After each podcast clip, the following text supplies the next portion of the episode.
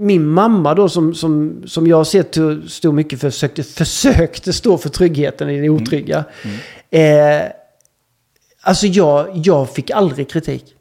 Alltså jag, jag har ju sagt, jag tror till och med att jag skulle kunna gå ner på stan och sticka ner någon med en kniv. Och så hade mamma inte, hon har liksom förstått det. Mm. Hon hade, alltså det var väldigt... Men, men pappa drack va? Ja. Då, alltså vad händer, tänker du idag, för ett barn när, när pappa egentligen borde vara nykter? Nej men det, det finns ju en det har ju funnits en besvikelse för mig mm. att aldrig få ha rätt. Eller på det sättet att mm, all den kamp och det man la ner som barn på att få någon att förstå mm. hur ont detta gör, hur illa detta är eller vad, vilket elände det ställer till. Men aldrig få det validerat. Mm. Aldrig, aldrig få den rätten. Det är ju en indirekt kritik. Ja, det kan man säga. Ja, ja.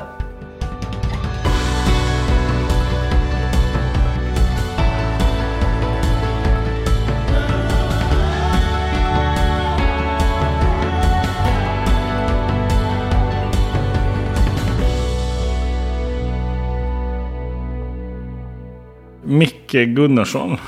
Mm. Beskriv, vem, vem, vem är det? Oh.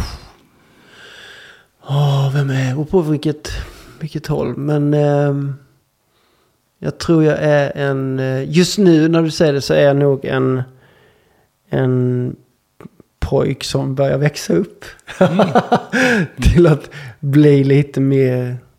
Jag vet inte säga man, men... En lite mer... Kanske lite mer tryggare människa jag varit innan. Mm. Jag är 50 år precis fyllda, har tre barn. Uh, jag kan känna att, jag tror den frågan just nu när den kommer är um, mer kanske utmanande innan. För att jag, jag kan känna just nu befinner jag mig på, jag vet inte, jag såg en film som heter uh, True Spirit. Som handlar om en 16-årig tjej i Australien. En verklighetsskildring. Där hon ska segla jorden runt.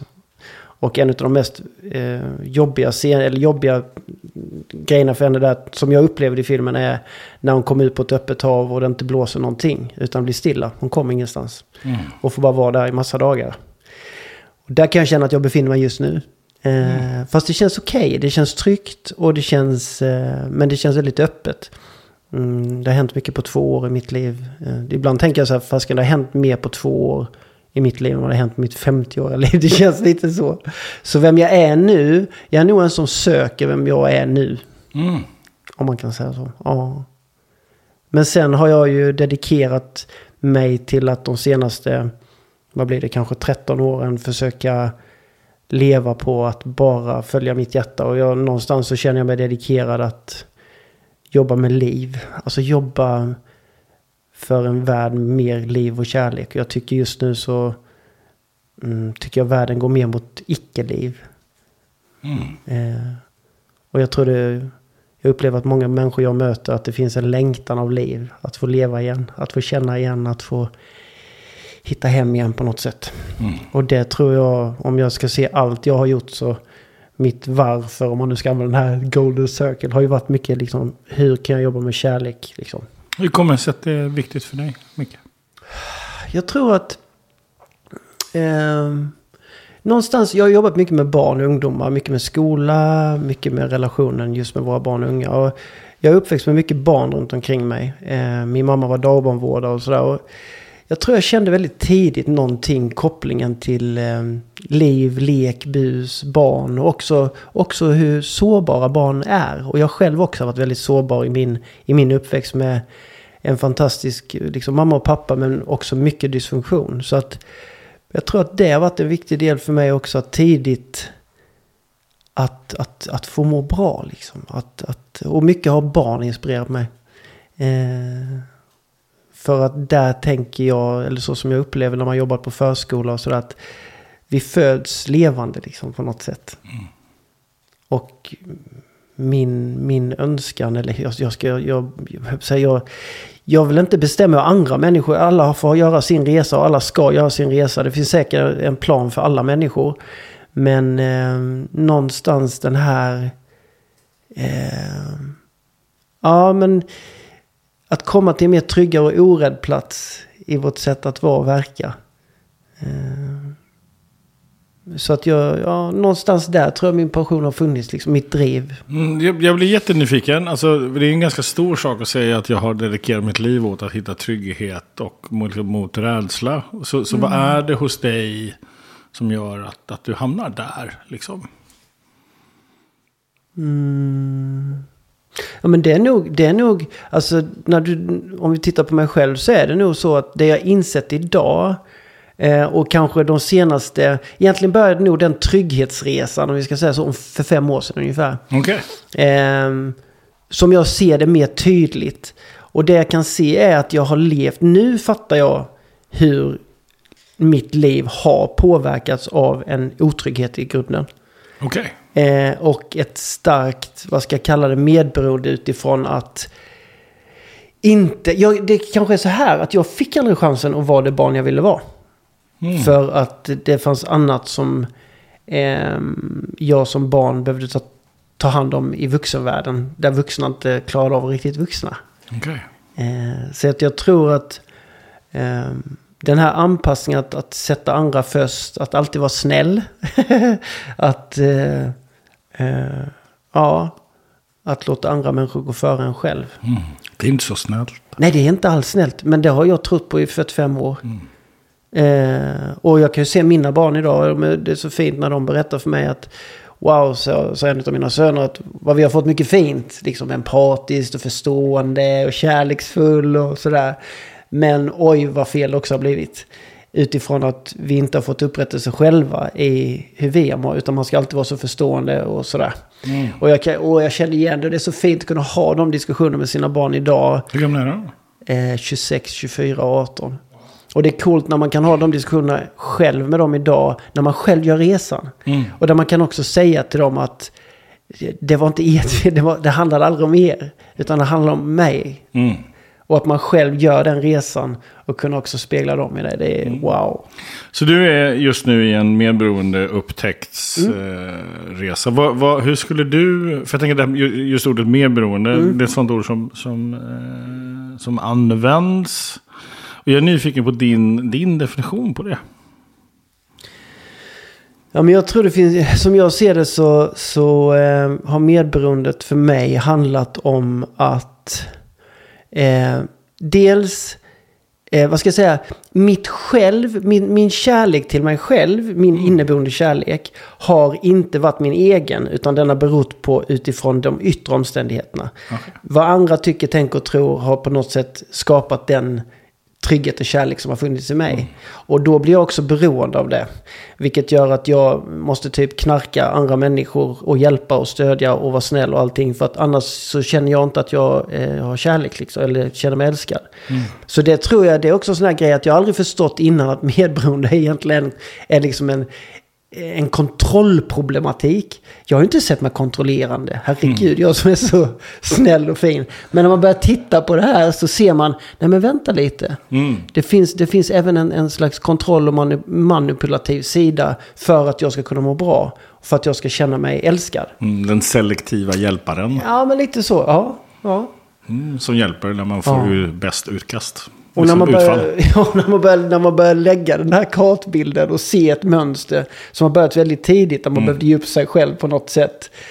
Så, så blir man, man, blir både, man kan bli både ledsen och liksom bara wow vad jag har ställt till det för mig men också för andra. Men samtidigt kan jag också se vad glad jag är att jag börjar se det här. För det har aldrig funnits, det, det har ju aldrig varit någonting man har gjort utav att vad ska jag säga, medvetet vilja sig själv illa. något. Utan det har varit ett, som liten var det en ren överlevnadsinstinkt. Att ska jag överleva i, liksom som barn så behöver jag, behöver jag hitta min strategi för att bli sedd och bli älskad och bekräftad. Mm. Det, det, det är tre ord som poppar upp. Som är, dels är det här fenomenet medberoende. Vi ska prata mer om det. Eh, fenomenet kontroll. Eh, och liksom hur medberoende hänger ihop med kontroll. Den är jättespännande. Eh, och sen anpassning. Fenomenet anpassning. Vad tänker du om anpassning? Men anpassning kan jag ju känna gränslöshet. Det är något som kommer till mig väldigt snabbt. Okej. Ett ord. Ehm, att inte veta om sina egna gränser, sin egna integritet. Utan du är beredd att att ja, men transformera dig för andras skull. Mm. Lite Barbapappa som man såg när, i alla fall när jag var liten. Så man tar den form man behöver. Mm. Och som sagt var, och det är ganska, jag menar, jag, jag hamnade ju i utmattning, vad är det för 14 år sedan, eh, sjukskriven i ett år, eh, var, var vikarierande chef för, för en eller två verksamheter, det skulle slås ihop, men i alla fall. Men jag kan ju se att en av anledningarna var ju där gränslösheten, anpassningen. Att vara ledare, jobba som ledare och behöva bli älskad gör ju att du, i alla fall i mitt fall, gjorde att jag gick över mina gränser. Sa ja men jag menar nej, tog på mig mer och mer. För att jag ville känna mig, det var ett sätt för mig att känna mig älskad. Mm. Men egentligen idag ser jag, jag, jag dels så slet jag ut mig själv. Men det jag också gjorde var ju att jag berövade en massa andra människor att kunna utvecklas. För jag tog över deras utveckling. Jag visste bättre om deras liv än de själva hade jag en Mm. idé om. Ja, Det är så kul när man tänker efter. Ja, jag, jag, jag, tycker det här med anpassning är otroligt spännande. Ehm, just, just därför att det, det, jag tror det var Kristin Kaspersen som skrev det i sin bok, eh, träffade henne för massa år sedan. Ehm, att det finns en skillnad på anpassning och följsamhet. Och det tycker jag är, det är en väldigt fin distinktion. Eh, att att ibland, ibland så behöver vi följa. Liksom, så, första dagen mm, som hon kommer hem och är trött. Så är man följsam och finns där för henne eller honom. Andra dagen när hon kommer hem och är trött. Så är man följsam och, och finns där för honom eller henne. Men tredje dagen i sträck, då är det dags att börja sätta gränserna och säga vänta lite, hur mår du egentligen? Och vara den personen som, som har den här integriteten. Det är liksom där skillnaden tycker jag är mellan följsamhet och anpassning. Och jag tycker, för när du säger följsamhet och anpassning så ser jag mer... För mig blir det att följsamhet, då är det en följsamhet som bygger på min egna, mitt egna val och min egna inre sanning. Att jag, jag följer dig nu. Anpassning, för mig i alla fall blir det mer att jag tappar min egna inre kompass. Utan jag ger upp mig själv Just för dig. Mm. Ehm, Va, vad beror det där på? Tänker du mycket? Hur- alltså vad är det som gör att vi, liksom, vi människor har en tendens att glömma bort oss själva? Vad, vad är din take? Nej, men jag, jag tror att en grundrädsla i att inte sätta gränser, att gå till anpassning, handlar ju om att du är rädd för konsekvenserna det kan bidra till. Alltså, och ligger det då en grundrädsla som det kanske har funnits i mig, att bli övergiven, bli lämnad. ehm, ja, om den ligger där och, och tär. Så tänker jag att då blir det så enkelt, det blir så lätt att om jag, inte, om jag skulle sätta en gräns, säga ja, när jag menar jag är lätt att nej jag kan inte, vad det nu kan vara, jag kan inte hjälpa dig ikväll. Att då är jag rädd att jag inte blir älskad. Eller, blir, en- eller, eller blir lämnad, vad det nu kan vara. Så att, och så kan jag också se med relationer. Alltså att lämna långa relationer, att... Det är också en, en anpassning. Vi, vi kan dra oss, vi kan, vi kan försöka älska någon år efter år efter år för att vi hoppas att den här personen ska förändras eller att det ska förändras. Vi, vi tar inte vårt eget ansvar. Utan... ehm, för vi, vi vågar, vi, det blir för smärtsamt. Mm.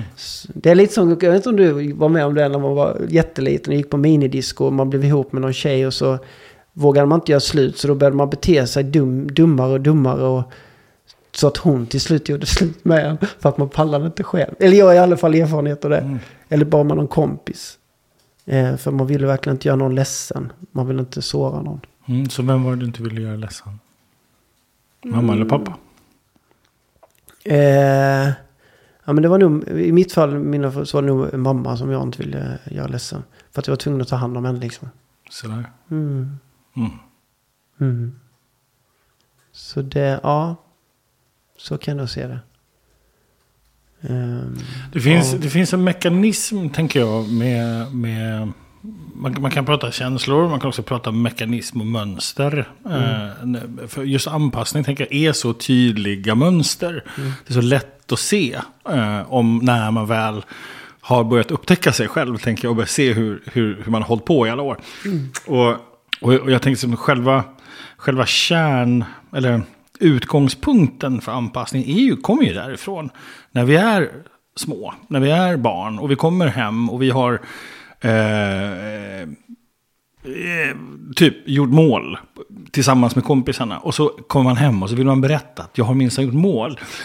Men så är föräldrarna upptagna med någonting annat. Så man får inte den där responsen som man så väl behöver som barn. Och då anpassar man sig.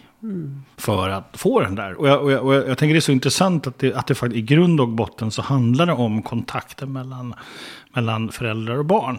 Och man, hur- man som barn är beredd att göra vad som helst för att få den kontakten. Oavsett vilken typ av kontakt det är. Den är så spännande. Och det, problemet är ju bara det att det som händer när man anpassar sig. Det är ju att jag inte längre står för det jag behöver. Utan jag hittar på någonting annat. Och då blir jag nyfiken mycket. Så, så vad är det för behov hos dig eh, som ligger till grund för fenomenet anpassning? När Micke Gunnarsson anpassar sig. För du, har, du sa nämligen så här, vi känner mig älskad, vill inte bli lämnad. Det är två helt olika behov. Så vad är det för behov lille Micke har? När han växer upp. Vad hade Men- han behövt? Ja, jag tror att lille Micke hade... Eh,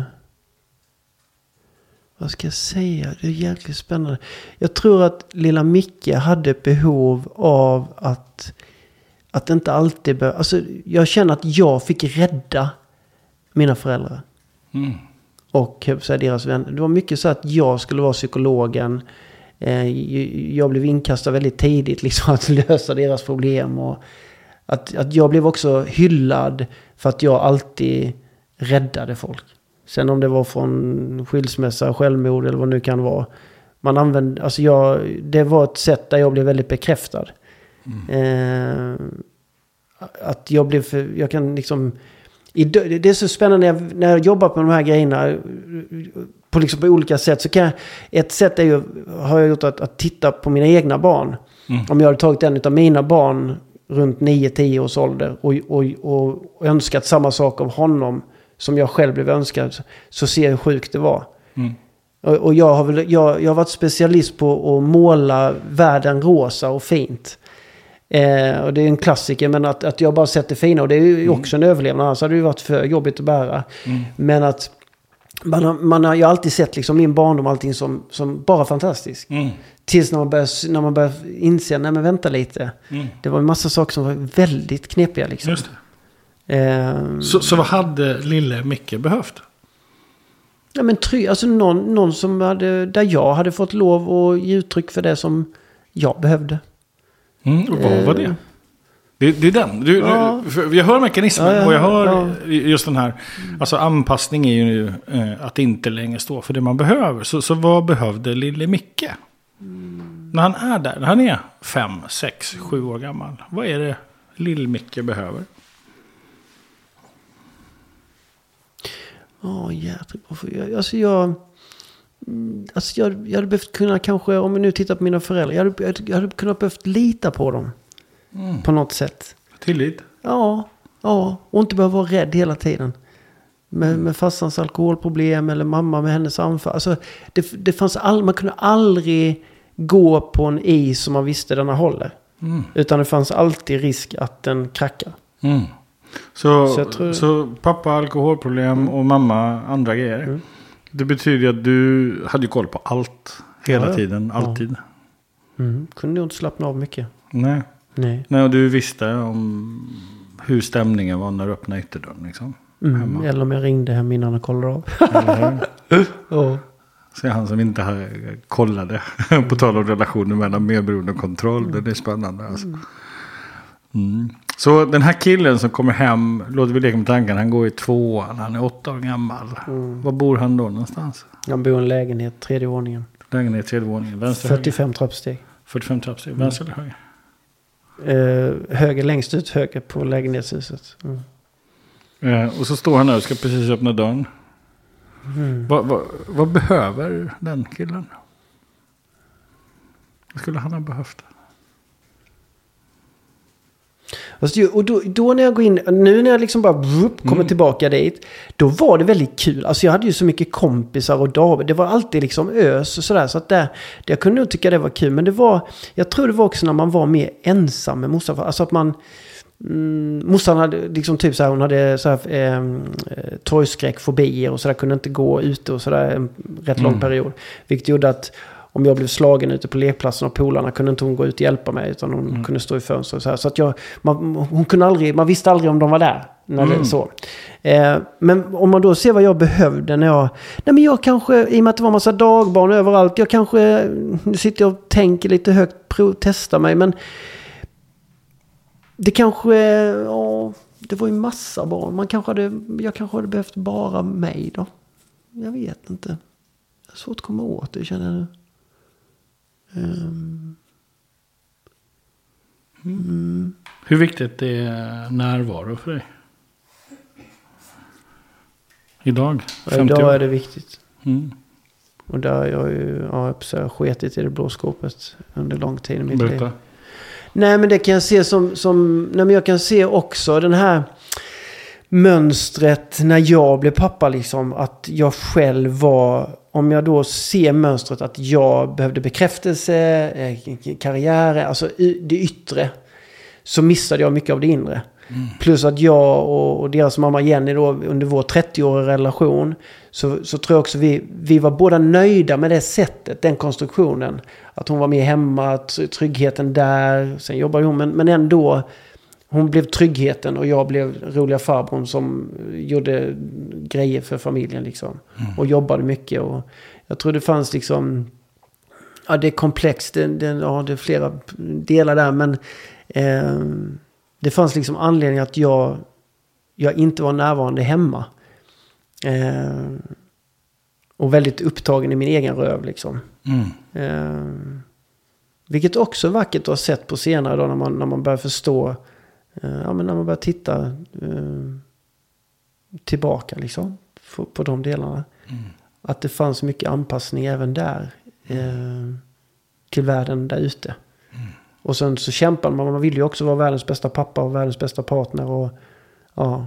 och jag förstår verkligen hur trött jag var. Hur, alltså när jag, när, när, där. Och jag kan ju se mönster sen efteråt också. Även när jag gick i däck. Att det, det har funnits den här kampen. Det- Av, av någon slags längtan av, av någon slags trygghet. Ehm, och det var som jag sa innan. att Jag tror den resan började ungefär för fem år sedan. När jag började förstå. Ja, någonstans att jag sviker mig själv. Jag sviker mig själv. Jag blir jättenyfiken nu på ordet trygghet. Du har sagt det i lite olika kontexter. Alltså vad är, vad är det du men, vad menar du med det? För för mig är det ungefär jag vill må bra. Eh, det är ganska generellt ord. Och så när Micke Gunnarsson säger liksom, ah, men trygghet är viktigt för mig idag. Vad menar han då? Eh, jag tror det trygghet för mig idag är nog att jag... Eh, ja, men en slags vilsamhet i att allt är okej. Okay. Alltså att det, att det är lugnt. Att det är lugnt. Kampen, du behöver inte kämpa mer. Och också för mig är det också en jätteviktig del att eh, med någon slags högre uppkoppling till att eh, att det- finns något större också. Och det är, ingen, det är inte religion eller liksom de delarna utan att man är buren Mm. mm, på, någon, på något sätt. Vad det lilla Micke hade behövt. Ja, jag tror det. Bli att få känna att det här håller. Att det här, det här att bli buren där. Mm. Och sen var jag, vad ska jag säga, jag tror jag, jag fick vara med om mycket saker som jag kan se idag, antag, ja, som egentligen inte barn ska behöva bli utsatta för. Ehm, som, som jag tror också har varit en, en, en del i förvirringen. För att som barn vet du ju inte vad du inte ska bli utsatt för som barn. Utan Mm. du blir utsatt och så får du cope with it liksom. Du måste hitta ditt sätt att härbärgera vissa saker. Eh, Och det tror jag också är en sån här fin grej. Jag hörde en sån här jättevacker berättelse som berörde mig jättemycket. Jag vet inte vad det var för bok jag läste det där. Men, men de, de sa någonstans att om man skulle tro på att det finns någon skyddsängel eller någon, någon, någon så här livet har fixat en, en fin funktion för barn. Och det är när, när små barn blir utsatta för saker som, eh, som blir för smärtsamma för ett barn att fixa. Det är precis som att det kommer ner någon lite länge med någon suddgummi som säger jag tar över det där. Du, jag tar väck det från dig. Du kommer inte behöva ha det nu. Utan i takt med att du blir äldre så kommer jag sakta men säkert släppa på saker. Tills du kan läka dig själv. Men där nu tar jag väck det. Och det är väl också en grej som har, som har hänt på min resa de, de senare åren. att det precis som att den här skyddsängeln har sagt att nu kommer jag släppa på lite. Och så kommer saker upp eh, som jag vet, har vetat länge men, men som man fått, fått ta på och på. Mm. Men det har, också, det har också varit en del av en läkning. Och där kan jag se då, nej, utifrån de sakerna så är det väldigt svårt för ett barn att bygga en slags trygghet. Hur ska jag kunna lita på vuxna? Hur ska jag kunna vara, vara trygg med dem jag verkligen borde kunna vara trygg med? När Mm. inte det riktigt funkar. Ehm, mm. Du har ändå beskrivit en kille som åtta år gammal är ganska trygg. Han har polare, kommer hem. Ja, det är ju intressant det där. Ehm, när, när kaoset blir en normalitet så är ju det det enda, det är ju det enda barnet liksom förstår och kan förhålla sig till. Och blir, och blir ju inget konstigt. Så. Ehm, den är jäkla intressant. Just, just hur, hur barns strategi är för att, för att överleva. Och så. Och det är, du, du sviker ju, alltså, det är en sån här klassisk, men att du, du sviker, du, du tänker ju inte ge upp och svika och sluta älska dina föräldrar som barn. Utan det, det blir med, med dig själv du väljer att svika för Mm. att, av ren överlevnad liksom. Vad var det Så som det- gjorde ja. att du förstod att du, att du har ett medberoende? Vad var liksom... Vad var insikts, insiktsdagen? Det var nog egentligen, alltså jag, det var nog att jag, så har det nog varit med ett par grejer nu i mitt liv som jag har varit ett blind fält för mig. Mm. Eh, där jag kom i kontakt med människor som jobbade med de här grejerna. Författare som skrev om det. Jag vet Tommy Hellsten. Jag hade ett samtal med honom som har skrivit Flodhästen i vardagsrummet. Där det nästan var så här. Nej men aha, nu börjar jag... Alltså, så att med takt med att den världen öppnade sig och jag kunde liksom studera rent kunskapsmässigt. Mm. Så kunde jag verkligen se mönster. Mönster, mönster, mönster. Och så har det varit inom ett par andra områden också. Där jag kan känna wow. Där man inte har en aning om att det, att det, att det fanns. Mm. Men... ehm, Så det tror jag, det var första. Men det var också... Alltså det var också så här. Jag tänker på som efter när man har en, en 30-årig relation med en... Jag, jag har ju aldrig vetat något annat. Det är också så ung. Dysfunktion, alltså träffa då en, en kvinna när man är 17-18 år. Och tycker om varandra så mycket och sen barn och allting liksom. Och så, så går 30 år och man är världens finaste vänner liksom. Mm. Så underbara och man, vad ska jag säga, man tillgodoser varandras behov på olika sätt. Sina olika trauman också tror jag. Man, man, man perfect match på det sättet. Mm. Eh, och det är precis som du också säger Alex att när man är i samma akvarie liksom i 30 år så har du inga andra referensramar. Utan då är det det som är sanningen. Och då så tror du att allt är som det är där. Mm. Eh, och jag tror att det var det som hände i vår relation. Vi kom fram både Jenny och jag till att vi är, vi, vi är vänner. Vi har, vi har liksom... Vi, sa alltid det att vi ska inte hålla kvar i relationen om vi vinklipper varandra. Mm. Utan någonstans då måste vi ha modet nog att släppa varandra fria. Och det började vi känna. Och så kom du, kom du fram till ett sånt beslut att det är dags att släppa oss fria. Mm. Även hur mycket vi tycker om varandra, älskar varandra. Så är det inte, det är ingen kärleksrelation. Vi är föräldrar, vi är vänner. Och nu är det dags att, att släppa. Just. Och det tror jag också, anledningen det var också för att jag tror att vi båda två, det kan ju också vara att barnen blir stora, att vi hade tid att bli mer sanna mot oss själva. Att den resan började inåt. Mm. Vad är det jag längtar efter? Vem är jag egentligen? Vad, vad är det för skam jag bär på? Vad, vad är det liksom, vad är, vad är, ja. Och där då när medberoende, man börjar se det tydligare, och då kan man också se, wow vad vi har anpassat oss i 30 år. Wow! Vad vi har lagt oss själva mycket åt sidan. För att kunna skapa också eh, en familj, bra för barn. Alltså man, har, man har gjort allt man kan liksom. Men man ser det verkligen så tydligt. Men en fråga där då. eh, ja, jag, jag tycker det här är fantastiskt. Jag, jag, jag blir nyfiken på på vilket sätt... På vilket... Eh, eh, det du beskriver är ju också en, en, en bild utav en man. Eh, som som eh, är, är och jobbar, eh, som kommer hem, tar hand om sin familj, som är kärleksfull, som, som eh, är lojal eh, och liksom hela det där. Eh, va, alltså när är det det blir ett medberoende menar du? Och inte bara man? Det enda, det enda jag kan ge som svar där tror jag är att det är ungefär... Mm, ehm, sen jag började titta titta på de här grejerna och liksom få, få hjälp och stöd och gå i olika program med att titta på mitt medberoende. Så det enda jag kan säga där, liksom, det är egentligen att jag kan känna skillnaden nu mot hur det var innan. Mm. Att någonstans i den här mannen som du beskriver så var det ingen man om du frågar mig. Mm. Utan det var en förvirrad, rädd pojke som försökte vara man. Mm. Han hade varken... ja, han hade väl koll på det han skulle ha koll på utifrån där han befann sig. Men det finns många olika områden där jag kan se att det fanns en, en liten förvirrad eh, pojke. Där det fanns en, en underliggande ton av rädsla, eh, otrygghet, alltså som en liten sordin. Som, som, som stress, alltså att det låg en stressrädsla som bas. Att tänk om jag inte fixar. Alltså det här som du säger, lojal mot, mot, mot Jenny, med familjen. Eh, att det ofta fanns det här liksom att tänk om det inte fixar sig, tänk om det inte fixar sig. Tänk om det, alltså en, en rädsla som låg som någon sån grej.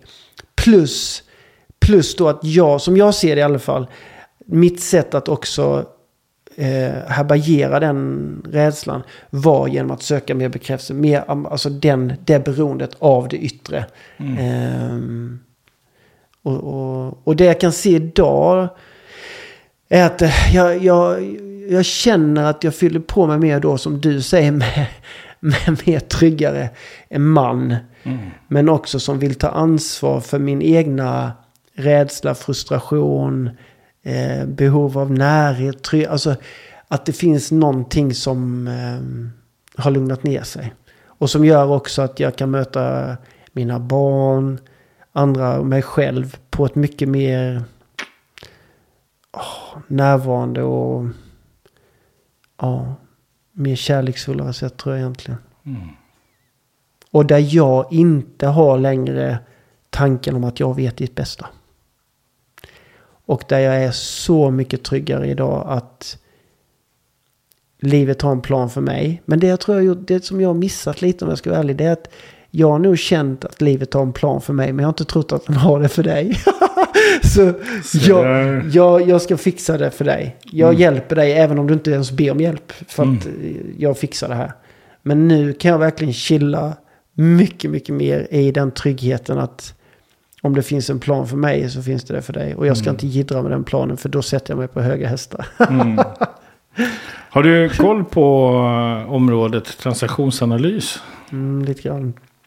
Mm. Det finns ju, det finns ju två eh, grundmodeller, beskrivning egentligen, som, som handlar om det vi pratar om. Där den ena är eh, som, som är såna fantastiska superglasögon att ta på sig när man går in i ett rum. Och det är den här dramamodellen. Som bygger på, eh, alltså har vi hamnat i ett drama? Ja eller nej? Den är ju väldigt liksom antingen eller. Eh, finns det någon förövare, finns det något offer, finns det någon hjälpare? Och jag hör ju, har Micke Gunnarsson varit i närheten så har det funnits en hjälpare. Och då har det garanterat funnits offer och förövare också. Och så, och så är dramat igång. Eh, så, så just den modellen som en, en, en form av superglasögon som man tar på sig. Man kan inte ha dem på sig jämt för då blir man ganska odräglig. Eh, eller som min dotter sa när hon hade lärt sig den här modellen. Hon sa pappa livet har ju blivit lite tråkigt nu när man kan den här modellen. För då kan man inte liksom Det kul skvallra lika mycket med sina vänner. Ja, men sådär. Eh, man, det händer någonting med etiken när man vet att den existerar. Liksom. Vilken roll vill jag spela här? Och om jag inte hjälper, blir jag då en förövare? Eller offer. Eller offer. Liksom. Och, så, och så är spelet igång. Det är den ena. Den andra är ju den här förälder, vuxen, barn-modellen. Som, som ju handlar, där, där, där, där just fenomenet anpassat barn är ju ett begrepp. Um, uh, och där, där barnet, det anpassade barnet anpassar sig för att få omvårdnad och kärlek från den ena föräldern. Men också för att undvika att få kritik. Undvika att bli ifrågasatt. Så. Vad, vad tänker du om den? De, de två drivkrafterna för, till anpassning. Mm. Ja, men jag kan ju se som när, om man ska se någon slags dramatriangel där, så ser jag ju min, den rollen jag gillar bäst är ju hjälparen. Mm. Och sen då att jag kan glida ner mot offer. Mm. Eh, om jag inte får hjälpa, sådär. exakt. Så den, den kan jag ju se som en tydlig eh, del. Och hur viktigt det har varit för mig att på något sätt, ska jag säga klippa, men att, att hitta den gränsen däremellan. Och det handlar ju mycket om att återigen sätta gränser, våga lita på sig. Ja, Jag tänker att det handlar om det, det du började säga. Det handlar om, att börja ta ansvar och bli vuxen Ja, för ja, sig själv. Ja. Så, och, och, och, och vara tydlig med vad man Mm. faktiskt behöver och vad man inte behöver. Så. Eh, Och det, och det är många gånger då, som jag det här är ju inte, det här är något som har vuxit fram i ditt, vad ska jag säga, ditt sätt att vara väldigt tidigt. Så att det, det handlar ju också om att få syn på det här. Många, Sätt att vara eller sätt att göra? Vad sa du? Sätt att vara eller sätt att göra? Nej, det är ett sätt att göra. Men jag tänker att så länge, du, så länge du agerar, så länge du inte vet om, så länge du inte kan se det, så länge du inte är medveten om dina mönster, Såklart. eller, så kan du inte, då är du ganska chanslös. Utan det handlar ju först om att bli medveten om de här grejerna. Det kan handla om kunskap eller, eller ditt lidande blir så stort så att du måste till slut göra någonting. Göra någon skillnad eller förstå någonting du inte förstår. Ehm, den andra delen som du beskriver utifrån uh, mamma, pappa, barn. eh, Alltså, Ja, förälder, vuxen, ja, förälder, barn. vuxna. Ja. Mm. Där tänker jag att... Eh, ja, men där hade ju funnits en, ja, som du sa, en, en anpassning. Dels för att, dels för att få. Tryggheten, Mm, ja, tilliten, Men kärleken. också då för att det kan ju också finnas den sidan att du inte vill bli ifrågasatt eller, eller Exakt. de delarna också. Du kan kritik. se det tydligt. Ja, men det kan jag se. Ja, alltså mina föräldrar. Min mamma då som, som, som jag har sett hur stod mycket för, försökte, försökte stå för tryggheten i det otrygga. Eh, alltså jag, jag fick aldrig kritik. Alltså jag, jag har ju sagt, jag tror till och med att jag skulle kunna gå ner på stan och sticka ner någon med en kniv. Och så hade mamma inte, hon har liksom förstått det. Hon hade, alltså det var väldigt... Men, men pappa drack va? Ja. Alltså vad händer, tänker du idag, för ett barn när, när pappa egentligen borde vara nykter? Nej men det, det finns ju en det har ju funnits en besvikelse för mig att aldrig få ha rätt. Eller på det sättet att mm, all den kamp och det man la ner som barn på att få någon att förstå hur ont detta gör, hur illa detta är eller vad, vilket elände det ställer till. Men aldrig få det validerat. Aldrig, aldrig få den rätten. Det är ju en indirekt kritik. Ja, det kan man säga. Ja, ja. Eller hur? Då, då, då blir man ju kritiserad. För det man tror på, det man behöver vara. Så blir man ifrån. Och så blev det ju, jag menar herregud, ju, vi skrattade ju några stycken, vi pratade just om det att det blev, det, man blir ju alltid manipulerad också för att, som i farsans fall då, när man själv började växa upp och bli tonåring. Då var det ju helt kört att kritisera honom, eller, eller ifrågasätta. För då kunde han direkt säga, men du dricker ju. Alltså så att man fick aldrig, du, du kom aldrig, hur, hur än man kände att Vilken man. jag, hur mycket jag än kände att eh, snälla se, lyssna på mig, detta, alltså, jag mår inte bra. Så fanns det alltid försvar. Mm. Alltid försvar. Du, de här två åren som har varit eh, de senaste åren. Eh, hur har du haft det? Vad är det som har hänt? Som man gör att du liksom sitter och pratar så här idag. Alltså de här två år, egentligen skulle jag se det fem år. Men om det verkligen då, man kan väl säga att jag började min resa för fem år sedan. Den här resan som jag kan kalla nu, om jag skulle göra det till någon, något Mm. Men de här två åren, konsekvenserna, så skulle man kunna säga, konsekvenserna av det jag började på har lett till att det började med att min pappa dog. Mm. Mm, båda mina föräldrar är borta. Eh, så att jag, jag, jag, jag, jag år får inte var vara barn längre. Det, det var, Två år sedan. Så både mamma och pappa dör? Ja, mamma, mamma dog för vad är det, sju år sedan. Men hon var sjuk länge, hon blev så sjuk länge så att hon... Min mamma dog nog ganska tidigt, redan vid 45 års ålder. Liksom, så att, sen tog pappa hand om henne och sådär. Men, men pappa gick hastigt bort, jättehastigt bort. Min pappa började betyda, alltså det var ju också något han och jag fick reda ut det här på vuxna dagar med alkohol. Jag blev nykter, jag hamnade ju själv i alkohol liksom. Träsk, det är ju rätt konstigt liksom. Att man, men nej, det är inte så konstigt egentligen. Nej, vi söker ju och så försöker Ja. göra som våra föräldrar gör. Ja. Och så gör vi för att lära känna dem. Precis, jag vet. Man hade såna här, jag gjorde sådana här specialarbete med rökning för jag var så besviken på mina föräldrar som rökte. Sen började jag röka i 17 år. Så att, ja. Men äh, jag, jag, jag gjorde upp med mycket sådana grejer. Jag liksom blev nykter, jag slutade röka. Jag gjorde massa sådana grejer för ungefär 14 år sedan. Ehm, och min pappa, jag, han betydde mer och mer för mig. För att jag också kunde, jag kom till en plats där jag accepterade han som han var. Eh, Och vi kunde ut, vi utvecklade en sån fin relation de sista åren. Alltså. Så fin relation. Och jag hade samtal med honom som jag aldrig varit i närheten av innan. Men han, han, det är så kul för han, ända in i döden, så förnekar han sitt alkoholproblem. Det är fantastiskt. Alltså, men, men. Det var också så här fina samtal farsan jag hade. För att han, han kunde ibland känna sig väldigt ledsen och misslyckad. Men det fanns också saker han, han hade gjort som var viktiga också för mig att säga till honom. Och det kan man fundera på idag varför jag bekräftade det. Men han, han, jag insåg i slutet hur mycket kamp också han hade gjort på vissa områden. Som han bröt mönster. Men han hann väl inte med allt. Det är väl så. Vi har väl förhoppningsvis lite fler liv på oss så att vi får jobba på resten sen. Men, men vi hade fina samtal och eh, jag kunde verkligen känna att så mycket kärlek jag kände till honom de senaste fem åren har jag nog inte känt. Alltså han betyder mer och mer för mig. Och sen kommer det då hastigt för två år sedan att han, han blev bara liksom lite yr. Och sen åkte vi in till doktorn. Och sen skulle han göra en röntgen. Och han kom inte hem mer. Utan de sa ganska, han fick en skenande demens. Eh, det var mitt i pandemi, ja hela den köret. Så att vi hängde med han in, jag och min brorsa. Och så fyra veckor tog det. Och vi visste redan efter en vecka sa de till att det här kommer, det kommer gå snabbt. Så fastnade vi, vi fick fyra veckor med allt det liksom ända in i, alltså det var så vackert. Det var så, det var så mycket tårar och så mycket skratt och så mycket dans. Och, men det var verkligen en, en det var ett, ett sätt att följa honom. Så, så att han, eh, den resan och sen strax därefter så, så bestämmer jag och Jenny oss då för att separera efter 30 år. Eh, vilket också fram till det beslutet var det otroligt vackert. Och sen när vi har separerat så tar det väldigt kort tid och så går in i en ny relation. Mm.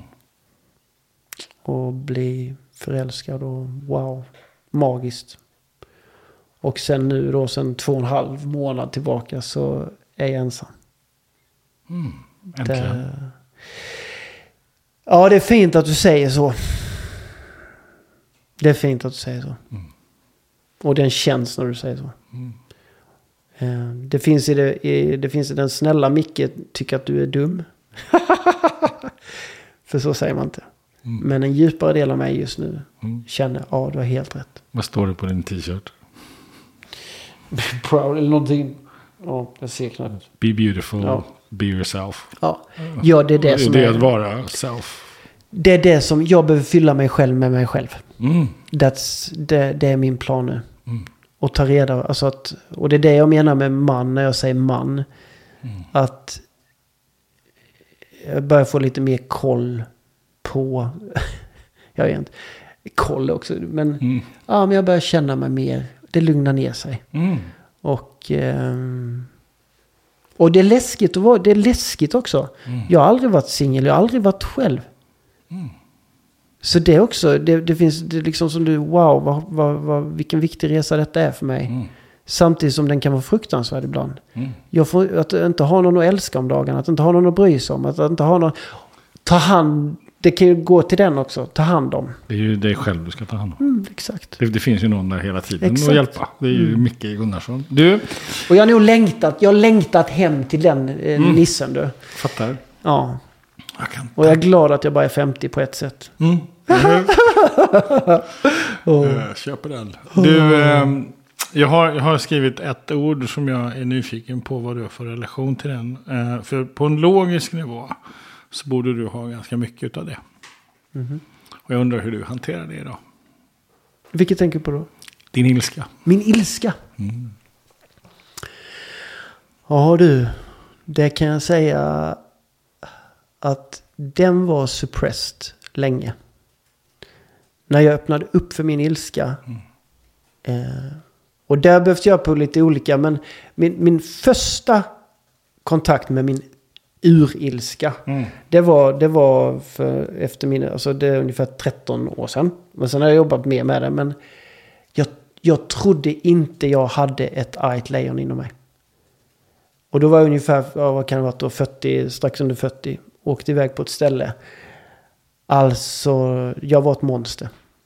Jag vet efter första kvällen slagit sönder alla knogar. Alltså, men då fick jag... Alltså grejen är så här. liksom, Jag... Så här.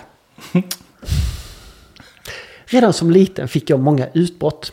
Mm. Där jag slog sönder saker i mitt rum. Mm. Och sen svimmade jag typ för jag var helt slut. Mm. Men allt, varje gång jag blev arg så var det fel på mig. Jag har till och med blivit fastspänd. Jag har blivit strypt. Jag har blivit, alltså, där, där, där läkarna, för jag blev inlagd på lasarett. Där läkarna ordinerade min mamma och pappa att de skulle strypa mig. De skulle försiktigt trycka runt halsen. För att de trodde det var något med adrenalin, något som var fel när jag fick de anfallen. Helt fucking sjukt. Så att jag minns fortfarande hur jag låg i pappas säng med mamma vid sidan om. Pappa, usch nu blir jag röd. Pappa tar tag i min hals. Och jag ser hans panik. Vi har båda panik för vi, vi fattar inte vad vi håller på med. Och mamma ligger, inte för hårt, inte för... Och jag, jag är så, ah, alltså jag har så mycket liksom, energi. Och jag tror också det var någon slags ånger, panik. Det var liksom allt kom i, i lilla Micke där. Och detta följde mig upp till en bit upp i tonåren, upp till ja, 20-årsåldern. Och då kunde jag få de här anfallen kopplat till alkohol. Alltså, ja, där, där, jag, där jag tappade det. Alltså där jag tappade kontrollen totalt. Eh, men jag har alltid, det har alltid varit fel på mig. Så fort jag har känt de känslorna så har det varit fel. Mm. Och det som hände med mig då efter utmattningen var att när jag fick hjälp att åka iväg på olika sådana här... Jag var på ett ställe som heter Bara Vara. Och första gången jag var där, då, då hjälpte de mig att få ett sånt, kan man säga. Eller jag fick, eller fick leva ut. Men det var inte fel på mig. Tvärtom. De, alltså det var... Det var bum. Alltså jag fick bli arg, känna allt detta. Men ändå vara älskad. Ändå bli omhändertagen. Ändå bli omhållen och klappad på. Och, och det... Fuff, Så du blev Wow. sedd för dina faktiska behov? precis som jag var. Mm. Där jag var. Eh, men som sagt var, jag tror, jag tror också vuxenvärlden som mötte mig hade, blev rädd i sig. Eller jag vet inte, liksom, jag behöver inte ens gå in i det varför Nej. de gjorde som de gjorde. Men, men jag kan bara se utifrån mig själv. Att, så när du säger ilska så har det verkligen funnits så många år där jag har tryckt undan detta. Och att nästan sett det också då som att... Och det är det också jag fört vidare till mina barn kan man säga. Att det här var förstående. Jag, jag tycker min son, han, han har världsklass. Han sa det bara för ett par veckor sedan till mig. Att pappa, vet du, jag, vet du vad jag har börjat göra? han. Jag har börjat ta rygg på, på lite polare som jag innan tyckt varit liksom skithögar. Men de är inte det pappa. Utan de har bara förmågan att sätta gränser och vara sanna liksom. Mm. Och jag sa bara wow, fortsätt, fortsätt liksom. För det finns något väldigt fint i det. Ja, och jag tänker också, en, sak är att ha förståelse för någon eller något. Det betyder inte att man inte har rätt att få vara arg. Nej, nej, nej. nej. Eller hur? Så, så det är intressant hur förståelsen kan användas som ett sätt för att undertrycka ilska också. Absolut. Den är ju jätteintressant. Absolut. Eh, Så, eh, så, jag varf, bli- så varför är du arg, Micke? Varför jag är arg nu? Hmm. Mm, spänn- upplever jag mig arg nu? Jag tror om jag ska... En ilska jag har i mig som... Det är nog... Ja men då kanske det handlar om någon slags upprättelse. Inte bara för mig utan jag tror det kan också vara att det har funnits en ilska och frustration. Eh, men jag tittar min, min passion, mitt driv inom skola. Alltså mycket av de här grejerna har funnits som jag får titta på själv. Är det ilska som driver? Vad är det som driver? Vad är det för energi som driver mig? Jag tror det, det har funnits någon slags sån där lyssna på barnen för helvete ilska. Lyssna på mig för helvete. Ja, ja, för nu har jag något att säga här kanske då. Ja. Men, eh, ja, men det kanske är den lilla desperata barnet som står där och skriker. Och är arg. Ja, Mm, frustrerad och arg. Frustrerad och arg på vadå? Ja. Nej, men för att man inte blir lyssnad på eller sedd utifrån den man är. Mm. Res- accepterad och respekterad för det, det man är, där man är. Kanske.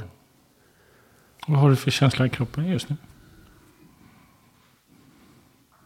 Jag tror en ledsamhet, Mm. tror jag. Mm. Mm, alltså någon slags besvikelse, jag vet inte om det är rätt ord, kanske. Sorry? Vad sa du? Sorry? Sorg, eh, vemod, ja någon ton av vemod kanske. Eh, och man kan väl säga jag vill inte gå in för mycket på det, men jag kan säga så här att ett mönster de här två åren utifrån relationer och så. De kan likna det. Mm. Den känslan i mig. Mm. Att... ehm, mm, Ehm, och för att inte lägga det på någon annan så kan jag bara säga att, att min... Det blir tydligare min, o, min vad ska jag säga, svårighet att stå upp för mig själv och sätta gränser. Mm. Ehm, utan stå där, och, stå där igen och mm, göra våld på sig själv. Eller hur jag nu ska uttrycka det. Lägga mina egna behov åt sidan och mina, min... Mm, mig åt sidan. Och det är väl det jag menar att när jag, när jag står som liten och, och försöker skrika på mamma och pappa vad de gör med varandra eller... ehm, Eller vad de Försöker- gör med dig. Ja, men, men jag, även där så tror jag inte att jag såg att det var mig. Ja, jag förstår vad du säger. Men jag var, det var verkligen... Ja, indirekt var det ju mig. Men jag försökte få dem att fatta. Hjälpa dem att förstå. Ja. Och då när man inte blir lyssnad på. Utan de... Och till och med då farsan ändan in liksom i kaklet. Och jag säger, men pappa... Du måste väl ändå ha förstått i alla dessa år. För farsan var ju, han jobbade, det var ju inte att han, han var ju inte den här parkbänksalkisen som vi tror. Utan helgalkoholist, alltså som alltid, ja. Men den här, men att han, nej, så jag kan inte, jag, jag kan inte se det. Alltså, alltså den förnekelsen, om man tänker alla de här åren, alla de här åren, all den här kampen vi alla har känt. Hur är det möjligt liksom att man kan bara ta, nej. Det, och den känslan har funnits med mig även de här senaste eh, åren ibland. När man känner Man. hur jag känner. Tack. Hur är det möjligt liksom?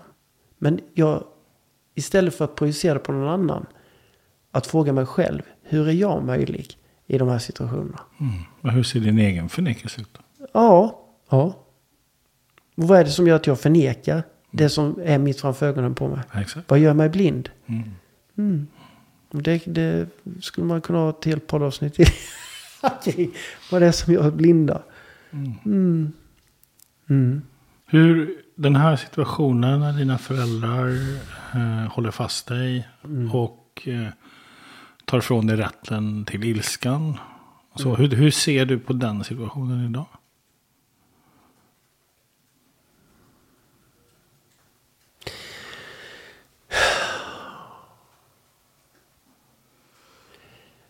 Nej men det, som jag ser det idag, jag kan skydda mig, alltså det är ett övergrepp. Som jag ser det. Det är inte ett övergrepp. Jo, Ja, jag jag ser det som ett, ja, det är ett övergrepp. Mm. Men jag skulle, och jag säger nog inte det för försvar, men jag ser också att det blev ju ett övergrepp på tre personer. Vi gjorde övergrepp på oss själva också. Men, och jag, jag, jag kan se mönstret, att jag försöker dem. Men om jag tittar utifrån barnet, att bli utsatt för det. Nej men det... mm, Det är mycket som rycks bort där. Mm. Vad är det som rycks bort för mycket? Tilltro. Tillit. Mm. Det är också ett ganska generellt ord. eh, som, som, det är intressant med ord. Det, det, det kommer du märka nu när vi lär känna varandra mycket. Att ord är så spännande. För det, lig- vi lägger så mycket i metaforerna. Så. Nej men det som händer där, och det finns lite andra sådana situationer också i min... Det är ju att, som jag ser det idag, det är att jag har trott väldigt, väldigt länge i mitt liv att mycket har varit mitt fel. Att jag ställer till det. Att de här olika slags övergreppen man har varit med, jag har varit med om. Eh, kan jag se utan att knappt vara medveten om det. Det är också den här ängen har släppt på efterhand. Hur jag har riggat mig att det har varit mitt fel. Att det är jag som har utsatt mina föräldrar för övergrepp. Det är som, som våldtäktsoffret som tror att det är våldtäktsoffrets fel. Att Det är samma fenomen. Och det kan jag säga att är det någonting jag kan ibland fråga livet, kärleken, Gud eh, när jag har mina samtal med, med hen, det. Så försöker jag se liksom vad är det för lektioner jag... Eh, vad är det för, liksom, för lektioner du sätter mig på? Eh, nej, och det, det är inte... Hmm. Ja, men jag, jag... Mitt medberoende är en försäkring. Att jag jobbar med mitt medberoende nu är en slags vacker försäkring. Att jag minimerar risken att hålla på så här mer. Mm. Att försätta mig i den, de situationerna. Sen kan man inte säga det om ett barn. Jag, det var inte jag som försatte mig i situationen och blev nedtryckt i sängen. Men att lägga skulden på mig själv. Jag vill att, att befria mig själv från den skulden. Att det var inte mitt fel. Det var inte jag som gjorde övergrepp på mina föräldrar. Nej. Och i och med att det har varit flera av olika karaktär så, så tror jag att det har funnits en stor skuld och skambörda i mig. Som har följt mig under hela mitt liv. Mm. Och det var det som jag började titta på för fem år sedan. Skam egentligen. Och se vad, är, vad handlar detta om? Vad är det egentligen som ligger? Och det, ju, det kan ha följt mig alltifrån eh, ja, syn på närhet, kvinnor. Alltså det har legat någonting där, så någon störning som jag inte har kunnat sätta finger på. Är det liksom? Och det kände jag någonstans att det här...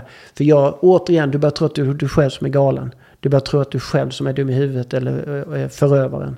Och så börjar du märka, nej men det är något som inte stämmer här. Mm. Och så börjar man våga titta på det här. Mm.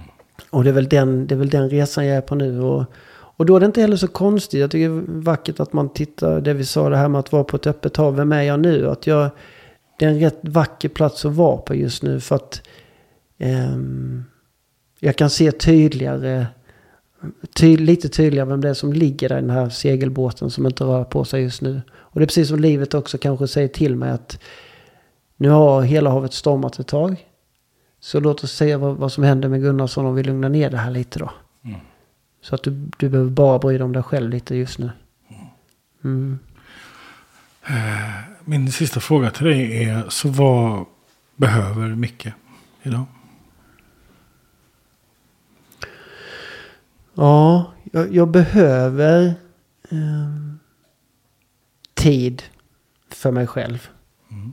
Och fortsätta göra det modiga jobb som jag känner att jag gör just nu. Mm, Så vad behöver Micke? Mm. Förutom tiden, det är förutsättningen. Mm, ja, det är och, förutsättningen. och, och att göra det, det är att ta ansvar. Så vad är det du behöver? Hur ser behovet ut? Vad är det Micke behöver?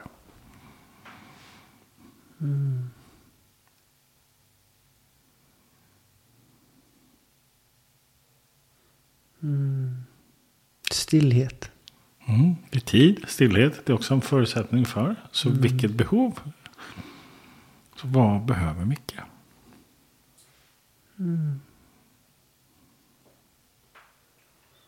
Ja, jag vet inte. Alltså någonstans det som kommer till mig också att det jag behöver är att få vara och känna allt det som är jag. Alltså att få plats med, med mig.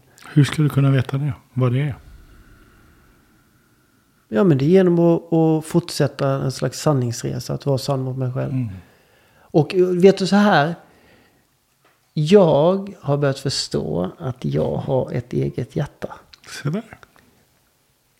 Inte ett hjärta skapat ifrån ditt hjärta och andras hjärta här inne. utan Jag har ett eget hjärta. Och jag har inte skyddat det. Jag har inte ens vetat att jag har haft det tror jag. Mm. Så det jag behöver göra nu det är att hålla min hand här. Och känna mitt hjärta. Mm. Och också vara varsam och skydda det. Och jag har rätten att ryta ifrån. Mm. Om någon börjar peta för mycket. Exakt.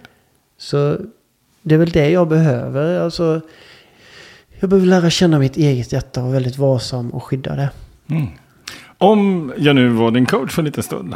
eh, Så skulle jag ge dig en, en, en, en inbjudan. Jag skulle ge dig en inbjudan. En, eh, försöka locka dig till att bli nyfiken på. Att vara väldigt systematisk och grundläggande med att ta reda på. Vad, alltså vilka behov är det du egentligen har idag? För, för är man uppväxt med övergrepp, alkoholiserade föräldrar och dysfunktionalitet. Så det, det man tränar på under hela den tiden. Det är att inte lyssna på sina egna behov. Men man blir en fantastisk person som är otroligt skicklig på att lyssna på vad andra behöver. Eller vad man tror att andra behöver. För då existerar jag.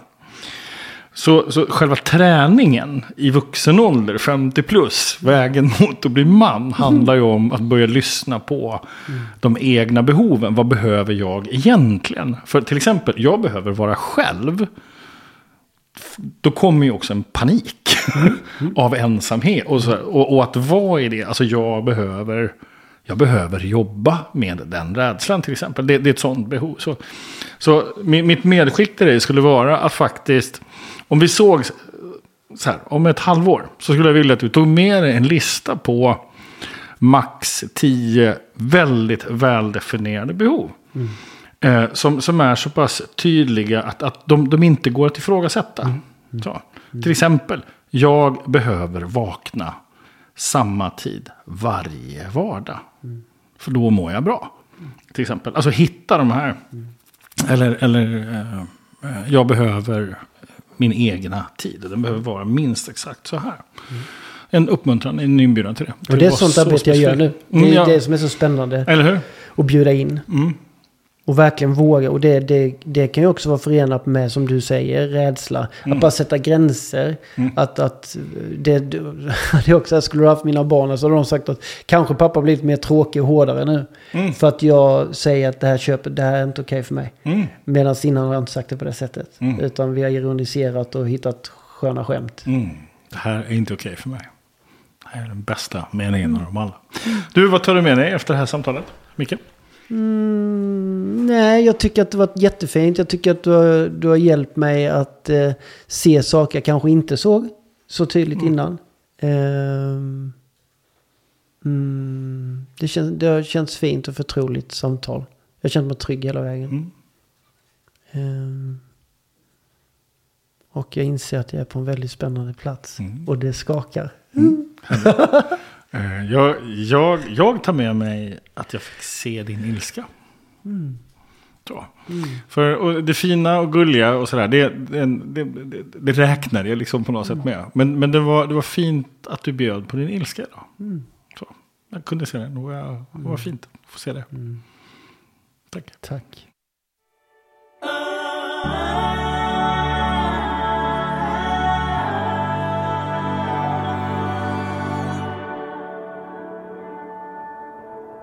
Du har precis hört mig, Alexander, coacha ännu en människa.